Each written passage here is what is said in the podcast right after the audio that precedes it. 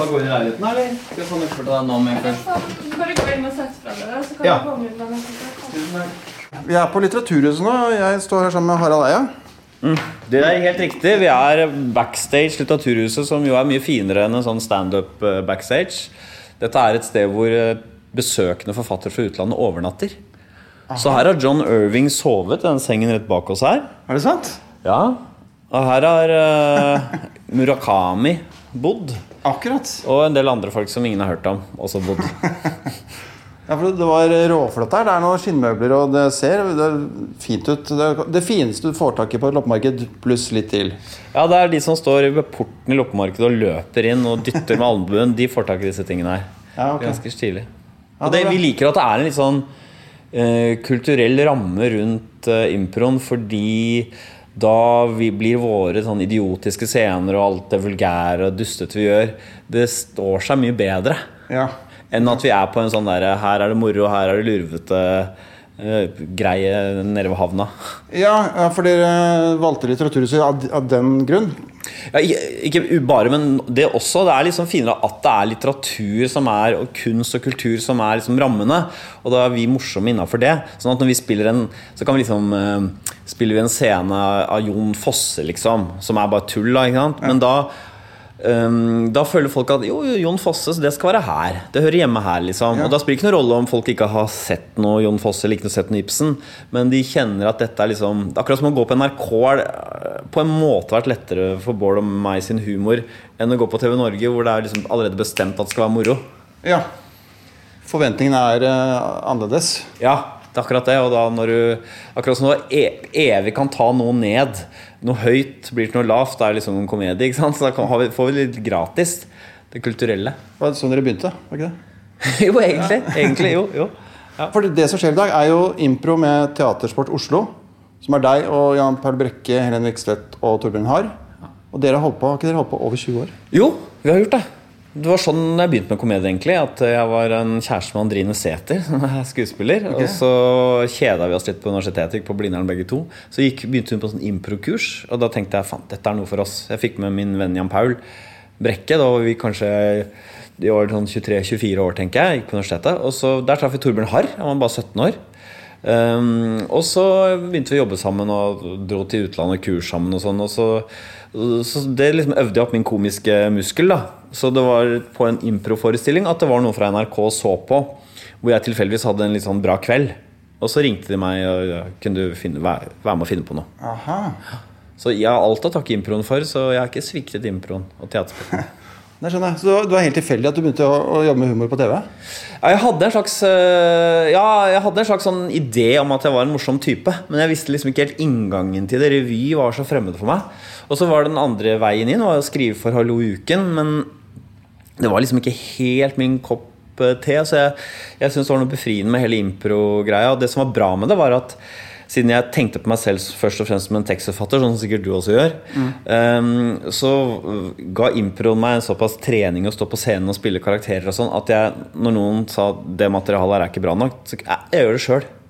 Jeg gjør det sjøl isteden. Og det var liksom uh, Istedenfor at du alltid bare leverer manus til folk. Nei, det var ikke noe morsomt, det var ikke noe morsomt Så kunne Nei, faen, vi skriver for oss selv, liksom. Vi kan, det, vi kan spille litt.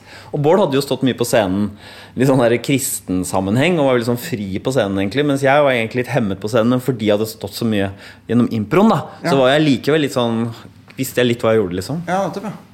Det, hvordan har det hjulpet deg? Vil, skal, vil du sitte, eller vil du stå? Du, hvordan har det hjulpet deg, i den grad det har det, til å utvikle humor som du har gjort på TV? Jeg har lært veldig mye av Tony Totino, som er mannen til Helene Vikstvedt. eh, For det han sa Han hadde så mye sånne små læresetninger. Jeg har en litt sånn intellektuell tilnærming ofte til det jeg gjør. Og jeg jobber ikke så mye på intuisjon alltid, så han hadde sånn læresetning sånn Raske skift av følelser er syns publikum er morsomt. Og det var utgangspunktet for når jeg hadde sånn aktuell rapportspalte for Åpen post, hvor jeg bare hopper mellom masse attityder og holdninger. Helt bisart, liksom. Som en psykopat. Um, eller at uh, Start, bli, vær, um, vær blid og fornøyd når du starter en scene. Og det liksom, jeg lagde Jan Tore fra Arendal, så var han veldig søt og blid. Og så kan du heller ta inn noe negativt og mørkt. Uh, det er på en måte litt sånn for viderekommende det å starte som sinna. Ja. Det er lettere å starte som blid og søt. Og noen blir jo der hele livet. Harald Rønneberg har jo vært der i 20 år, på en måte. Men, Men det er mange sånne ting jeg lærte av improen.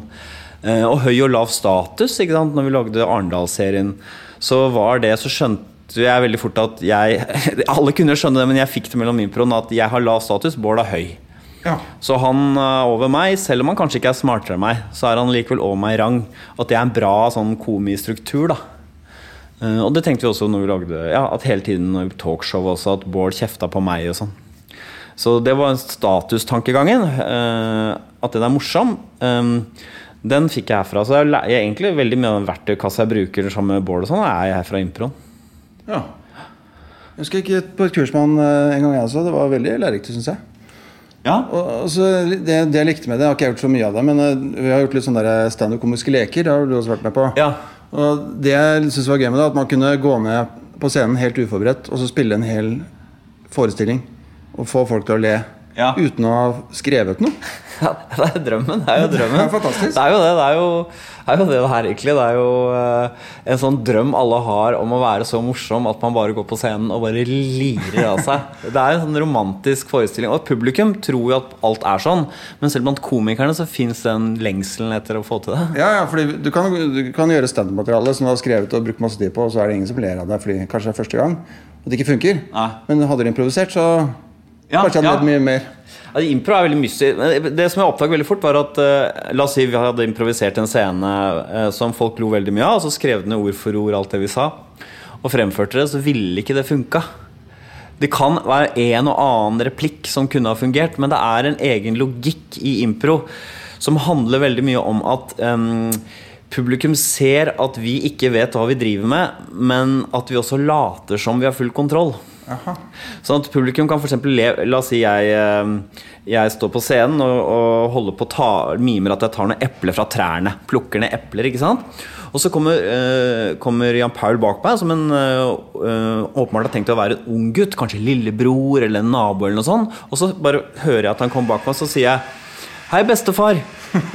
Og så ler publikum eh, fordi de ser at Jan Paul med en gang Hei, hei, Gud. Han krummer seg litt mer sammen. Ikke sant? Fordi de ser at vi later som Ja, ja, det var, vi, han skulle være bestefar hele tiden. Altså, Ja. Det er den rare tingen der, da.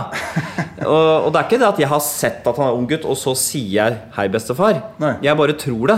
Og, fordi, og den fronten vi har til publikum, hvor vi later som om vi har full kontroll, men vi er åpenbart ute og sykle i ett sett, det ler de veldig mye av, og det kan jo ikke spilles som en sketsj, da. Nei. Ja, eller kan man det? det Ja, ja, det, ja, fut og fogd det, ja, det er den eneste improviserte sketsjen jeg har, så den er bare basert på noe Det er surre. Men Ok, Så det var ganske provosert? Ja, det var ganske improvisert, for jeg, på den tiden så hadde jeg fortsatt en eller annen idé om at vi var så morsomme at vi bare kunne gjøre det. Så gjorde det en gang, så funka det, og neste gang vi prøvde å gjøre det, så funka det ikke, så vi måtte bare klippe det bort. Jeg skjønner. Men har du utvikla noen karakterer? For jeg mener, altså jeg så dere på Lakkegata skole, Oh, ja. av alle ting, for ja. ca. 20 år siden. det er lenge siden. Da, men da hadde dere øh, vært på TV med Lillelørdag, eller i hvert fall begynt øh, med de sendingene. Mm. Og så, så mente jeg å kjenne igjen noen karakterer fra TV som du gjorde på scenen. Og tenkte sånn Aha, han har utviklet det Ja. på scenen, men det er kanskje noe jeg innbiller meg. Jeg tenker at det har mer at eh, liksom det er en slags familielikhet mellom alt. Man har jo bare så stort repertoar. ikke sant? Så eh, Akkurat som du ser Robert Stoltenberg lager nye karakterer nå, så er det ah, Han ligner litt på vaktmesteren og ligger midt mellom der. Eller nei, hva heter han der borettslagsformannen? Ja. Narvestad. Ja, ja. Ikke sant? Så det, det er vel en mer en sånn familielikhet mellom de forskjellige tingene. Så, så det å være for ivrig og positiv, da blir jeg alltid en slags sånn Thomas André. Samme hva faen hva jeg gjør, liksom. Er jeg sinna, så blir jeg alltid litt Oslosen-aktig. Ja, ok. Ja. Så det er vel mer det. Men, men det er liksom eh, Det jeg lærte med den karakterting av Tony og sånn, var liksom at um, Hva er det karakteren syns er flott? Eksempel, hva er det karakteren syns er det gode liv? Det er en veldig god nøkkel. Og hvis karakteren fikk det som han ville, hva, hvordan ville livet vært da? liksom? Hva er det man drømmer om? Og det, det merket jeg veldig fort at hvis du gikk ut på scenen og la oss si jeg spilte en eller annen sånn en sur båtbygger fra Kristiansand da, som var med, øh, ikke sånn idiot og som ikke setter pris på sjektetradisjonen. Nå bare finner jeg på altså. Så er det sånn hvis alle bare hadde kunnet lære seg å bygge båter, liksom, så er liker publikum Det er det du vil liksom her i livet. Det er det som er ditt store mål. Akkurat, ja. Det er godt, det er fint å ha en sånn karakter Så karakter, sånn visjon om hva det gode livet er. Og det hadde jeg aldri tenkt på før. liksom Så Thomas André har jo en visjon om at um, han skal ha mange venner. da det vil, at, alt, at alle liker han og setter pris på han. Og Jan Tore har jo en visjon om at uh, liksom eh, den gamle At det ikke skal være noen utlendinger eh, i Arendal, og at eh, Oslo-folk dør, og at eh, liksom pommes frites blir nasjonalrett. Altså, det, er, det er alltid fint å ha en eller annen sånn Og at Oslo-losen har som mål å bli en sånn professor i lokalhistorie som alle ser opp til og beundrer, og, ingen snakker han imot.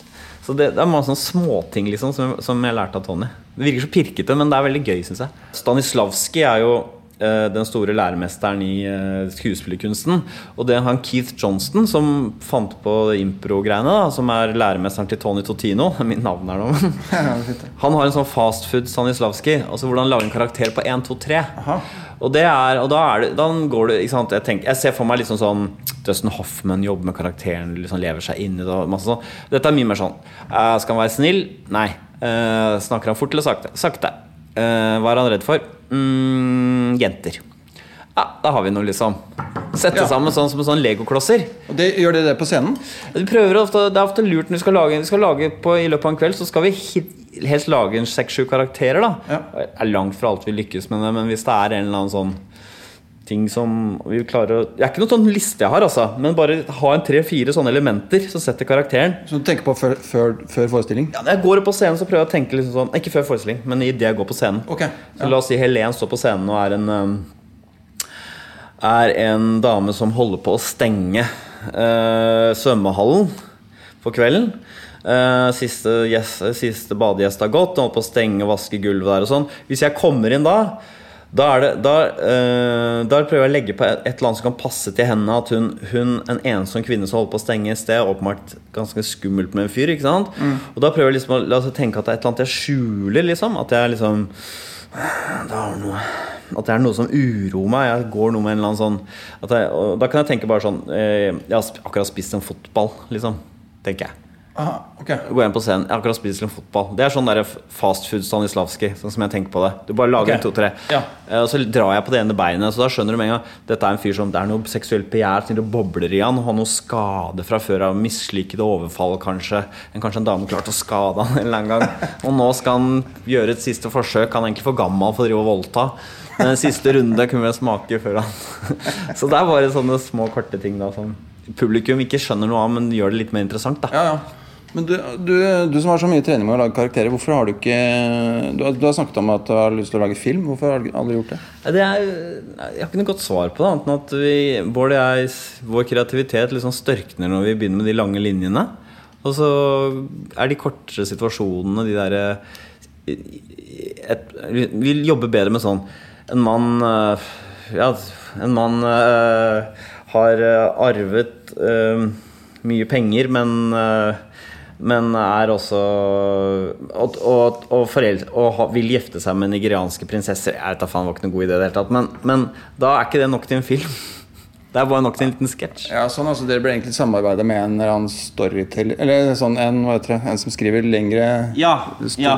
historielinjer. Har egentlig satt oss ned og vet ikke om det blir noe sving på det. Altså, kanskje, jeg vet ikke hva det er, men vi, jeg snakker ofte med Bård faen, vi burde lage sånn Woody Allen-ting. Sånn, bare his- masse historier om folk som Vi kjenner jo så mange som bedrar hverandre og som ljuger og holder på. Jeg føler det er morsomt utgangspunkt for komedie. Ja. Men akkurat som de liksom, det stopper litt opp. Så jeg har ikke noe godt svar på det. Men det er, en, det er flaut vi ikke har laga film.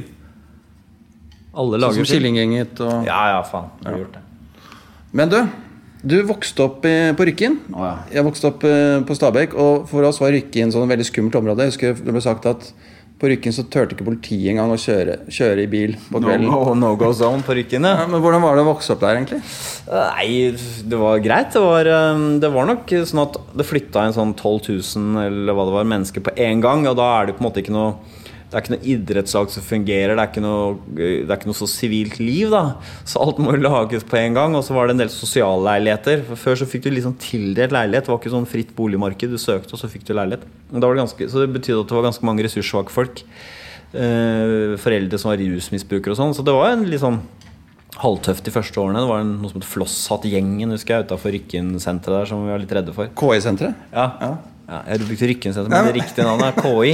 Jeg bare skal få bekrefta om jeg husker riktig. Det er riktig. KI var Kjøpmannsinstituttet. Så, ja, jeg husker, det var så hel vi er heldige som vokste på Rykken, fordi det stedet hvor de lærer opp kjøpmenn, de har sin egen butikk her, som er egentlig en skole. Så her får du liksom, det, det er liksom skoleeksempler på butikk, egentlig, her på Rykken. På KI-senteret. Ja, ja. Så Bård har faktisk gått på KI, han for som etter hvert ble en del av BI. Så dette er litt uh, spesielt interesserte. Ja, men uh, trivdes du eh, i oppveksten? Nei, ikke så veldig godt. Uh, så jeg lengta veldig bort derfra. Ja. Det, det gjorde jeg, altså. Fordi jeg var jo Jeg hadde nok passet bedre å vokse opp der du vokste opp. eh, Med litt sånn ikke sant? Jeg kom fra et hjem med bøker og sånn, og det var ikke så mange andre som var litt sånn grublete med spesielle interesser, da. Det var veldig lav terskel for å være nerd, liksom. Ja. Så eh, det skulle ikke mye til før at du er Er du helt rar, eller? ja, ikke sant? Så det var litt sånn tøft på den måten, men, øh, men jeg øh, Og så hadde jeg jo um, Det som preget på oppveksten min ganske mye, var at søsteren min var liksom fikk øh, litt sånn øh, begynnende schizofreni når hun var sånn 12-13 år. Det, det betyr jo ikke at hun er personlighetsspaltet, men at hun begynte liksom å bli, få sosial angst og, en, og kanskje høre litt stemmer og sånn. Og det gjorde at hun begynte med dop og sånn òg. Så det, det, det rykken for meg i mange år var preget av liksom narkotika. Søsteren min. Så jeg fikk et litt sånn dystert syn på hele det boligfeltet. eh, Men når jeg snakker med de jeg vokste opp sammen med, så var det bare som å vokse opp vanlig drabantby i Norge, liksom. Ja. Så jeg har nok et litt sånn derre Jeg har barnets litt sånn mørke syn på det stedet, da. Eh, som, er, som nok har preget. Men, jeg, men, var, men herregud, jeg hadde en veldig fin oppvekst, altså. Hvordan, hvordan opplevde du det at søsteren din eh, fikk de problemene der når du var ganske liten? Nei, det, det, det var vanskelig. Det var sånn at Jeg gruet meg ofte til å komme hjem, og sånn, for du visste aldri helt hva, hvordan stemningen var, om hun hadde en raserianfall og, og sånn. Så, um, det var, men jeg, når det var ordentlig ille, da var jeg sånn 17. Da var jeg tross alt så voksen at jeg klarte å på en måte håndtere det. Uh, så, men det var jo sånn noen ganger sånn Det var liksom jeg var mye sint på henne. For sånn på julaften og sånn og så, å, Kan vi ikke ha det hyggelig? Liksom? Kan vi ikke bare spise og åpne presanger? Men alltid ble det noe drama.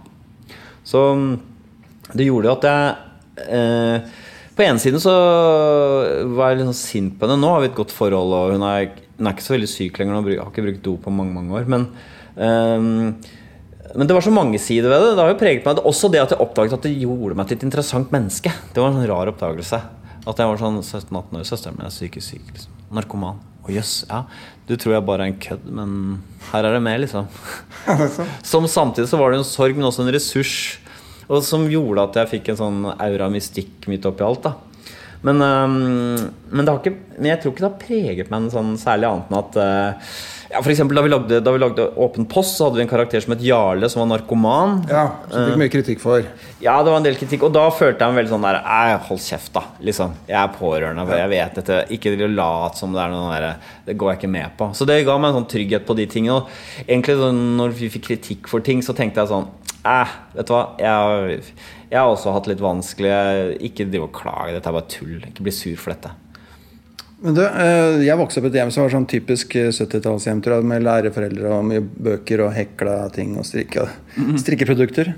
Hvordan så hjemmet deres ut da? på den tiden der? Nei, det, Far var eh, kjemiker og lærer på Ingeniørhøgskolen. Og mor var litt sånn eh, kontordame, men som på en måte ikke hadde fått eh, realisert helt seg selv fordi hun ikke hadde råd til å ta utdanning. De er ganske gamle, de er født midt på 20-tallet, begge to. Så mm, hjemmet vårt så nok ganske sånn Det var nok ikke så kulturelt som ditt. Takk for det. Uh, så herregud, Torbjørn Harr ringer. Skal jeg ta han, eller hva? du. Bare ta den. Hallo? Ah, om det er plass til deg! Det er alltid ledig plass er Torbjørn Harr skulle egentlig ikke være med, så jeg ringer han. Jeg blir intervjua av Ingrid Skomsvold skjønner du, til podkasten hans. Det er derfor jeg snakker litt høyt og sånn. Du, så koselig at du kommer. da Vi har strevd så mye for å fylle opp, så nå skal vi i hvert fall fylle opp. Det er kjempegøy. ja. Det ble jeg glad. Ja, ja. Kom åtte, du. Ha det. gleden til se deg. Ja, Han skal ikke være med? En, Han eh, skulle egentlig ikke være med, så fikk han være med likevel. Og det um, Og det er jo uh, bra, fordi Torbjørn bringer noe viktig til forestillingen. Han det er Det er at han går så seriøst inn i scenene. Mens Jan Pauls, Herlig og jeg, vi står litt utafor. Så når vi liksom er Jesus eh, i år 30, som eh, snart skal korsfestes i eh, Jerusalem, så står vi liksom og Vi er jo egentlig en som står og henger på hjørnet i 2016, liksom. Ja, ja. Mens Torbjørn, han er Jesus. Og han kikker utover salen med et sånn Jesus-blikk. Og det ler publikum veldig av. Ja, nettopp, for han tar det så alvorlig. Ja. Eller på ja, alvor. Veldig. Og det er jo Og det er mye morsommere, selvfølgelig. da Ja, ja, det er- ikke intuitivt at jeg er morsommere, men det er det. Det er veldig rart. Så Ofte sier man det er mye morsomt å ta det på alvor. Ja. Det er ikke alltid det er riktig. Nei, nei, det er det. det er jo ikke helt Men akkurat i denne sammenhengen der, så er det morsommere. Ja, for det blir selvhøytidelig, kanskje? Pompøst, eller noe sånt? Ja, men, ja, ellers så ville det ikke blitt Men akkurat fra impro øh, Vi roper ut Si en historisk figur. øh, Jesus. Og så går Torbjørn og så er liksom Jeg skal faen meg gi dere Jesus, liksom. det er noe morsomt. Og, at, og da liksom jeg, jeg er faktisk en jævla god Jesus. Ja, På en måte. At han sier det på en måte til publikum indirekte. Så det er bra. Det var opptur. Men du, tilbake til eh, oppveksten. Gutterommet til Harald Eia, hvordan så det ut? Hva hadde du på veggen? Nei, Vi har ikke sånn estetisk sans der hjemme, øh, og det har ikke jeg heller. Så det var nok ganske sånn Jeg hang opp en plakat jeg hadde klippet fra Mad. Ja, ja. Eh, og så var det filmklubb, som jeg liksom begynte å gå på tidlig. Sånn intellektuelle delen av meg. Og så var det noe kødd at jeg klippa ut Osmonds, som er sånn et band, sånn dusteband. og De var mormonere. Så det var en blanding av ironibilder og ting jeg virkelig likte, og ting jeg hadde blitt hengende fra jeg var, eh, fra jeg var barn. Eh, Så det var, sånn glid, det var en sånn mess av eh, det å være kulturell, det å være ironisk og det å være umoden. Det så stygt ut. Okay. Hva lo du av på den tiden, da? Nei, jeg, jeg er jo født i 1966, sånn at sant, når jeg på en måte får en sånn oppvåkning på 70-tallet, så har jeg de samme som de andre, at jeg ler meg i hjel av KLM. Ja. Jeg er litt for gammel for Jeg er litt for ung for Wesenlund. Rolf Ja. Wesenlund, og det, det var akkurat det traff meg liksom ikke helt. Og Harald Eide Steen, jeg så noen gamle Det var så sjelden du så noen klipp. ikke sant? Det var, Ja, ja. sånn, «Hva- hva- hva- var akkurat var klipp av Wesenlund. Nei! Ja. Da, da kom det jo ikke noe mer om Hvis ikke det var Fleksnes. Og det Fleksnes skjønte jeg liksom ikke helt. Og så var det måtte Python de få gangene jeg så det på svensk TV. Og fra den Live at Hollywood Bowl, hvor de liksom Hvor eh, det var ille da jeg var ung. Ja, det var ingenting. Vi bodde på bunnen av en innsjø. Den, ja. Som Den, liksom- Herodes Falsk gjør en variant av. Gjorde han det? Ja. Tror du det?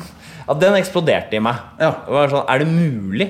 Går det an, liksom? Å være så smart og jævla tullete? Så egentlig det er vel det som er den formative erfaringen min. Eh, Det som slo inn mest om meg, var at du var smart og tullete. For det var sånn jeg var i mitt eget liv òg. Jeg var ganske, ganske smart, og så var jeg jævla umoden òg. Og de tingene fikk jeg liksom aldri helt til å gå opp. Jeg husker mange jenter sa til meg Harald, hvorfor er du så barnslig, du som har lest Dostojevskij? Jeg hadde ikke noe godt svar på. Og komedien liksom møtte de, der møttes de tingene. Da. Og da var det også var det mm, etter hvert Black Adder. Eh, Stemmer det. Ja. Sorte orm, ja. den kunne Jan Powell omtrent utenat. Ja. Den, den tok vi på VHS, så den så vi om og om igjen. Så den, kunne, den, den slo veldig, veldig inn.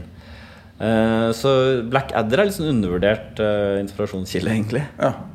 Men husker du første gang du skjønte at du kunne få folk til å le? Det var på videregående og sånn, hvor jeg liksom eh, Hvor det var sånn eh, antirasistisk uke. Hvor vi skulle lage et skuespill som på en måte illustrerte om rasisme i det norske samfunn, men hvor åpenbart den lille skuespilleren lagde, egentlig handlet om at pakistanske faren eh, burde bli litt mer norsk, da. At han eh, med sånn syn på jenters seksualmoral og sånn. Og så liksom Det er så mye rasisme, dessverre. Sånn. Ja, du vet Den kunne vært sånn på en måte spilt i dag. For det, var, det var helt hvitt eh, på Hvaler. Ja. Så vi trengte ikke bry oss om en eller annen trist pakistansk person som satt i Nei, tenkte du ikke å ta hensyn, nei? Nei, nei. det var noe som foregikk på andre sida av byen. Ja. Det var noen inn- innvandrere og sånn. Så da skjønte jeg faen, dette var det her, Nå lo de, liksom. Eh, her var det noe. Men jeg hadde ikke noe sånn derre eh, Jeg hadde ikke noe sånn derre å stå, eh, stå på scenen Jeg identifiserte meg liksom ikke med det. Men, så jeg hadde idealet som jeg hadde lest om Monty Python, sånn at jeg gikk på universitetet, og der dannet en humorgruppe. Ja, Det var drømmen min. Møte noen smartinger. Ja. mm. akkurat. Men det gjorde du, eller? Via improen, eller? Ja, via improen jo, eller gjorde jeg på en måte det, da. Men, eh, men på universitetet var det jo ikke sånn som det var på Cambridge og Oxford og Harvard og sånn, at de dyrket det å være morsom som den høyeste av alle kunstformer. Nei. Eh, det miljøet fantes ikke. Det var, jeg foreslo skal vi sette opp noe, skal vi lage noe, skal vi, men ingen var interessert i det. Så mm, altså, da spurte jeg morsomme folk, liksom. Ja. Jeg tror jeg til og med spurte Kjetil Rollnes jeg, om jeg han var morsom. liksom Skal jeg ikke finne på noe? Ja. Så han lagde Pentos Playboy sånn etter hvert. Men uh, Så det var, noe, sånn- det var liksom ikke en sånn eh, idé sånn, Folk hadde ikke noe forbilde for at det var en ting å gjøre. Nei. Å gå på å studere liksom, sosiologi eller filosofi eller matematikk, og samtidig om kvelden lage verdens sjukeste humor. Nei. Det var det jeg trodde man gjorde på universitetet, men det, for dem var det helt fremmed. Ja, sier det? Men, men altså likevel, hvis du ikke hadde vært med på det improkurset, hadde du, tror du at du hadde jobbet med humor i dag uansett? eller? Hadde du vært Nei, forsker? eller? Nei, ja, det, er kanskje, men nei, jeg veit ikke helt. For jeg fikk ikke til den skrivingen for Hallo uken så veldig veldig bra. eh, Så det sleit jeg ganske mye med. Så jeg tror ikke uten å spille sjøl, så mm, tror jeg ikke jeg hadde fått det til, nei. For jeg, da, da liksom min, min stemme Det jeg ser veldig mye de første årene jeg var på TV, at jeg er, jeg er jeg spiller en slags hemmet type. En som ikke har lyst til å være på TV. Ja. Jeg møter liksom ikke blikk ordentlig. Jeg, og det har på en måte har jeg mista litt av noen på briller og sånn. Hei og velkommen hit. Ja, for da må du være presentatør, liksom. ja, nettopp. Jeg merka litt i Storbynatt også. At jeg hadde liksom Jeg var ikke troverdig lenger som han derre awkward typen som «Nei, 'Jeg har også lyst til å gjøre det, og jeg dro ut for å se'.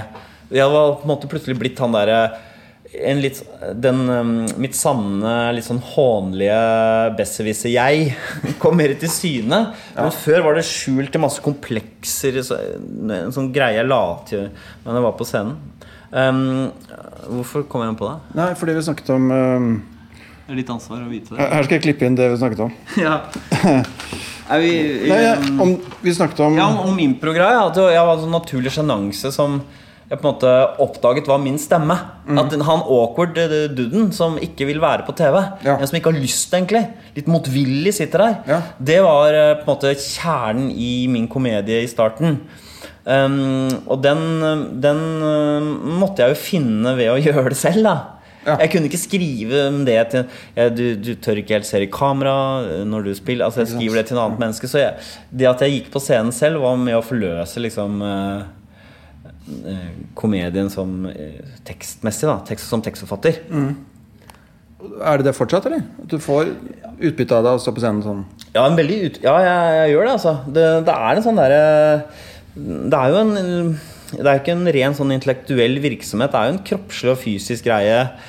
Syns jeg, for meg i hvert fall. Eh, Jeg beundrer jo de folka i Nytt på Nytt som bare på en måte er sånn derre De er jo i kroppene deres er liksom eh, De, er, de fins Altså, de er liksom ikke ordentlige kropper. Altså De har ikke noe levende kroppsspråk, eller de, de breier seg ikke. De, den er tekstforfattergreia. Mens jeg er jo mer en Jeg er en performer også, og da løsner hele kre- kre- kreativiteten min. da Jeg kan skrike og rope og gå litt rundt og, og sånn. Selv om jeg, idealet mitt er å være han professoren som sitter bare og bare Knut Nærum som bare lirer av seg bak tastaturet. Ja. Men jeg må liksom opp og må liksom, Vet ikke hva det er. I Brille så kombinerer jo fors ja, forskning og humor, men der, der er du mer forskertypen sant, som holder i trådene og Ja. har kunnskapen. Men det er jo struktur, det er på en måte strukturen i programmet er sånn at jeg er, jeg er orden. Ordenkreftene, og så er komikerne kaos. Ja. Så jeg kan ikke Jeg må jo være den faste, stabile greia som de kan liksom drive og hamre på. Så det har litt med rollen å gjøre, da. ja. Men, det er, men har det også noe med at øh, Eller er det, hvordan er det med ditt forhold til humor og forskning nå? Er det sånn at øh, Vil du øh, Hva har du mest lyst til å gjøre, egentlig? Slites du mellom de to? Jeg synes det er vanskelig, altså Hva er det som gjør at man blir interessert i ulike ting? Har, jo, var, jeg skal ikke legge skjul på at, det, at vi på en måte ikke helt fikk til Storbynatt så bra som vi ville. Det var et eller annet, vi, vi kom litt, Det er kanskje det beste. Er, vi lagde andre program med Åpen post-sesonger og Til brødre som ikke har brødre. Vi også kom litt skjevt ut på oppkanten. Uh, og det skjedde med Storbynatt også. Og da er det akkurat som om uh, det og den opplevelsen hadde i Spektrum, hvor vi hadde av uforståelige grunner sagt ja til å opptre sammen med John Cleese. Og vi liksom underholdt 6000 stykker, og så er det dårlig, liksom. Det er ikke noe De to opplevelsene var sånn Faen òg, jeg får ikke dette helt til lenger. Nei. Litt fordi jeg liksom gjør det på samme måten som jeg gjorde det forrige gang, og det kan du ikke gjøre lenger. ikke sant? Nei. En gang for mye med de der Tim Antonsen å komme opp fra det bordet med de forskjellige parykker, og du er lei av hele greia. Ja. Den greia der gjør at liksom ja, Nå er jeg mer interessert i vitenskap eh, allikevel. Eller er det fordi jeg bare flykter dit fordi jeg ikke får til å være morsom så bra lenger? Jeg veit ikke helt sjøl engang, jeg, hva det er. Men det, som det det har medført, er at jeg noen ganger jeg syns det er mer spennende med en del sånne Å få folk til å eh, forstå ting på en helt ny måte og tenke på ting som de ikke har tenkt på før, er vel så interessant som å få dem til å le. Men det er en slags slektning, for komedie handler også om å se verden på en helt ny måte. Ja, det er klart. Eh, Så det er jo en slags slektning, men nå har jeg søkt mot det for jeg holder på å bli mer moden og mer selv. Det er fordi jeg ikke får det til. Jeg vet rett og slett ikke, men jeg kjenner at eksempel når jeg skal se på sånn Her er seks av årets humorøyeblikk til Komiprisen. Jeg orker nesten ikke å klikke på det. Fordi du ikke syns det er morsomt? Eller? Jeg er ikke nysgjerrig på det. Jeg er ikke nysgjerrig på det. En ny, kul komiserie. Å ja, det skal jeg prøve å få sett. Men kommer det OJ Simpson versus The People? Jeg har mye mer lyst til å se. Eh, eh, dokumentarer fenger meg mer. Kommer en ny komifilm på kino, så må jeg liksom tvinge meg litt til å se den. da Ja. Mens det er andre ting jeg syns er mer eh, Mens thriller og dokumentarer Sånne ting eh, er, er mer interessant. Så om det er Jeg veit ikke. Men sånn, så man må prøve å gå litt med flowen, da. Ja, ja. Atle Antonsen snakker om noe av det samme. At, det? At, nå spiller han en dramarolle i, i filmen Grand Hotel. Ja. Som er en ren dramarolle. Og Ja. syns det er mer interessant å utforske de sidene og prøve å få fram andre følelser i Ja. publikum. da Ja. Og, det er jo, og så er det jo sånn Og så tenker jeg jo Jeg ville kanskje tenkt hvis jeg var fan av meg Faen, kan du ikke gå tilbake og lage sånne absurde greier? Ja. Det er mye Halla! Ja, bra. Alt er klart der nede? Det går fint, det. Eh, mens du hører, Det er jo Spinal Tap. ikke sant? Nå, nå lager vi litt for mer et alvorlig ting for et kresen publikum. Ikke sånn partyrock, men litt mer sånn klassisk. Så. Ikke begynn med! Du Hold deg til det du kan. Ja, ja. Uh, og jeg også har lyst til å se Atle rope og skrike og slå seg på rumpa i 50 år til. jeg Så det er jo, du må jo det er en balansegang mellom hva du selv syns er interessant og spennende, og hva publikum er interessant. da Eh, Halla. Kom igjen, Paul. Torbjørn er med i dag. Og nå ligger vi på sengen som da uh, mange kjente forfattere, også ukjente, har ligget på. Eller? Det vet du? Det vet jeg veldig godt. Jeg tenker at her har Murakami har ligget her. Murakami har ligget her. Det det vet jeg at han har. Ja. Det syns jeg er gøy. Uh, sammen med sin kone. Det, um, ingen, jeg er veldig Murakami-fan. Ja. Han hadde jogget masse i Slottsparken, og han sa folk tenker at det er spennende å være sammen med meg, men det er det ikke. Nei. Men å være sammen med deg, Helen, det er spennende. Det blir litt spennende sammen med deg. Det var en uh, som heter Bård Stenvik, Ja. som skrev en bok om skuespillet, bl.a. om Helen, og han fulgte oss bak. Og det han sa vi gjorde før vi går på, nå har vi ikke gjort det ennå, han mente at vi går og gikk og liksom overdrev. Hva kalte han det for noe? Han kalte det Hyperbol. Så det går vi ofte til. La oss si eh, ikke sant? du eh, kommer inn her, lager podkast. Og så sier hva er Yngve her, han lager podkast. og så han følger etter meg. Jeg følger etter han deg hele tiden. Og, så, nei, og så sier jeg ja, han har fulgt etter meg et par dager, kanskje. Bor han på sofaen din, da? Ja, han har bort, altså viser at han, Yngve egentlig ikke har noe sted å bo. Oh. Han har gått fra kjæresten, så han under dekka å lage podkast, så, så har han fulgt etter meg. Og så spør jeg når kommer det podkast. Kommer snart. tenk bare noen flere Ja. opptak og sånn. Så det han bare så det en lur måte å skaffe seg et sted å bo på. Så sånn mente han Bård Steinvik at vi holder på Ja. forestilling. Så akkurat som andre går og tupper litt ball og sparker litt ball, så på en måte utforsker vi liksom de mulighetene vi, ser. Fordi det er akkurat som å lage komedie og impro er det liksom å, altså, hvis, du, hvis du liksom er eh, narkoman på scenen, så skal du være byens verste narkoman. På en måte Ja. Da skal du, Og da skal du gjøre alle de mest ekstrem narkistingene som det går an å gjøre. Uh, med stjeling og sette sprøyta i sjuke steder og nedre i seksuelle tjenester for å skaffe deg noen penger og sånn. Så det er vel det vi går og øver på, da, Len. er vel, det, da. Ifølge da denne forfatteren så fulgte Helen dag og natt, sånn som du gjør med meg nå, Yngve. Akkurat likt. Men dere har ikke noen sånne faste ting dere skal gjøre? Jo. Faste Jo. øvelser og sånn? Jo da, vi har det. Vi har den det gjør vi fem minutter før. så nå har vi laget en liste da over de tingene vi skal gjøre. Ja. Det er sånn Ibsen skal vi kanskje gjøre. Nå er det 20 minutter til forestillingsstart. Ja. Jeg skal på do. Og så skal vi finskrive lista vår. Det som er hemmeligheten, syns jeg, Helen, og en god og dårlig forestilling er at det vi spør publikum, er litt kult. Ikke bare sånn 'Å, dyrke? Har du dyrke?' For det er så kjedelige ting å spørre om. Ja, men mer sånn Hva er det du har lyst til å gjøre med mor din? Liksom, hva har du lyst til å si til henne? Altså, få grave litt mer. da. Nå tenkte du at det var noe mer eh, gjøre i betydningen Nei, jeg tenkte ingenting. Jeg tenkte bare at det var Ja vel. Men hva er det liksom Var det sånn altså, altså, Hvis du kunne liksom operere én ting på kjæresten din liksom, Forandre på utseendet hans hva vil du Altså, Sånne ting. Jeg vil, jeg vil at de ting vi spør publikum om i dag, skal være litt Skal ha litt edgy. edge. Dybde. Skjønner. Dyp. Litt Lars Obe Christensen. Dypt. Ikke dypere enn det, liksom. Nei, ikke dypere. Ah. Så sånn, ja, for det er litt sånn allment, på en måte. Allment dypt.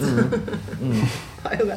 Ja, snarvei til Det er ikke, poetisk. det er ikke ordentlig dypt, liksom. Mangler én arm og sånn. Ja, Ja. Ja. det, det, det er en sammenheng mellom den skavanken og hvordan personligheten er. Ja. Helt riktig. Absolutt. Det mangler ikke bare en arm, det mangler en sjelig arm òg, ja. Den banale symbolikken der er veldig bra. At halvbroren var delt i to, boka, merka du det? Ja, var den det òg, Ja, ja? var. Ja, nettopp, ja.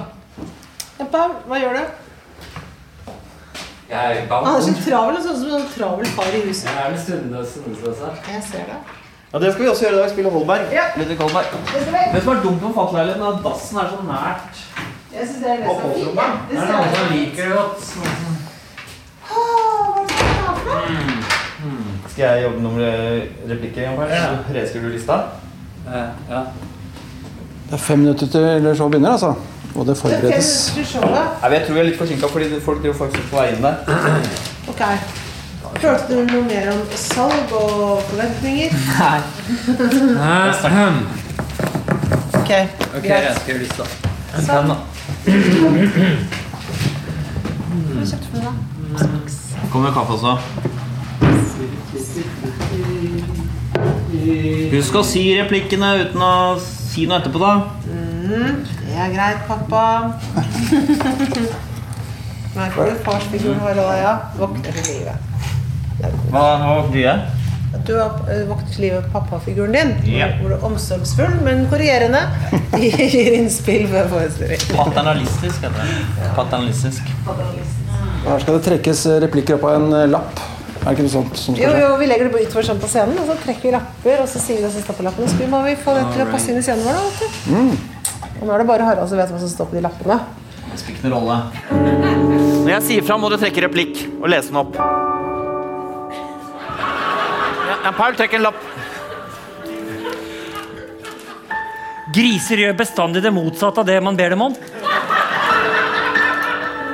Skal vi ha film fra Se og Hør, eller? Skal vi da? Ja, Ja, det skal vi ha. Ja. Skal vi, skal vi ha frys også? Ja. Ja. Jeg finner fram filmoversikten? Bladet jeg ser Filmguiden. Der Se og Hør er nemlig det eneste som Men du setter det, så jeg tror det er? fortsatt har um, filmoversikt Takk. på print. Musical. Takk så vi Da er det musical som nummer tre, kanskje? Kjøper av prinsippet ikke. Nei. Det er jo være en som har prinsipper. Nei takk. Det gjør jeg ikke. Jeg er stolt over å ha prinsipp. Mutter'n kjøper Dagbladet, men ikke VG. Nei takk, ikke VG. Nei, nei, det vet jeg, det gjør jeg ikke. Vet du hva, VG leser jeg ikke.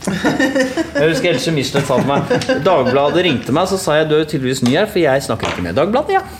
Det gjør jeg ikke, så det er, du er tydeligvis helt ny. Så stolt, så jeg er så stolt over at jeg har prinsipper. Ok, skal vi varme opp, da? Nei, det gjelder ikke. Oi, oi, oi, oi.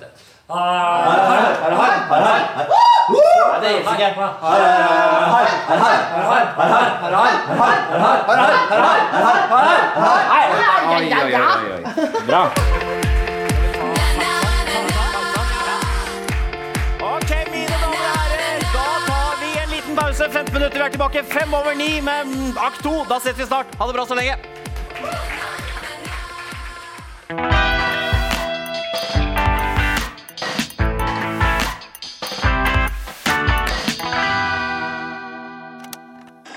Produsert av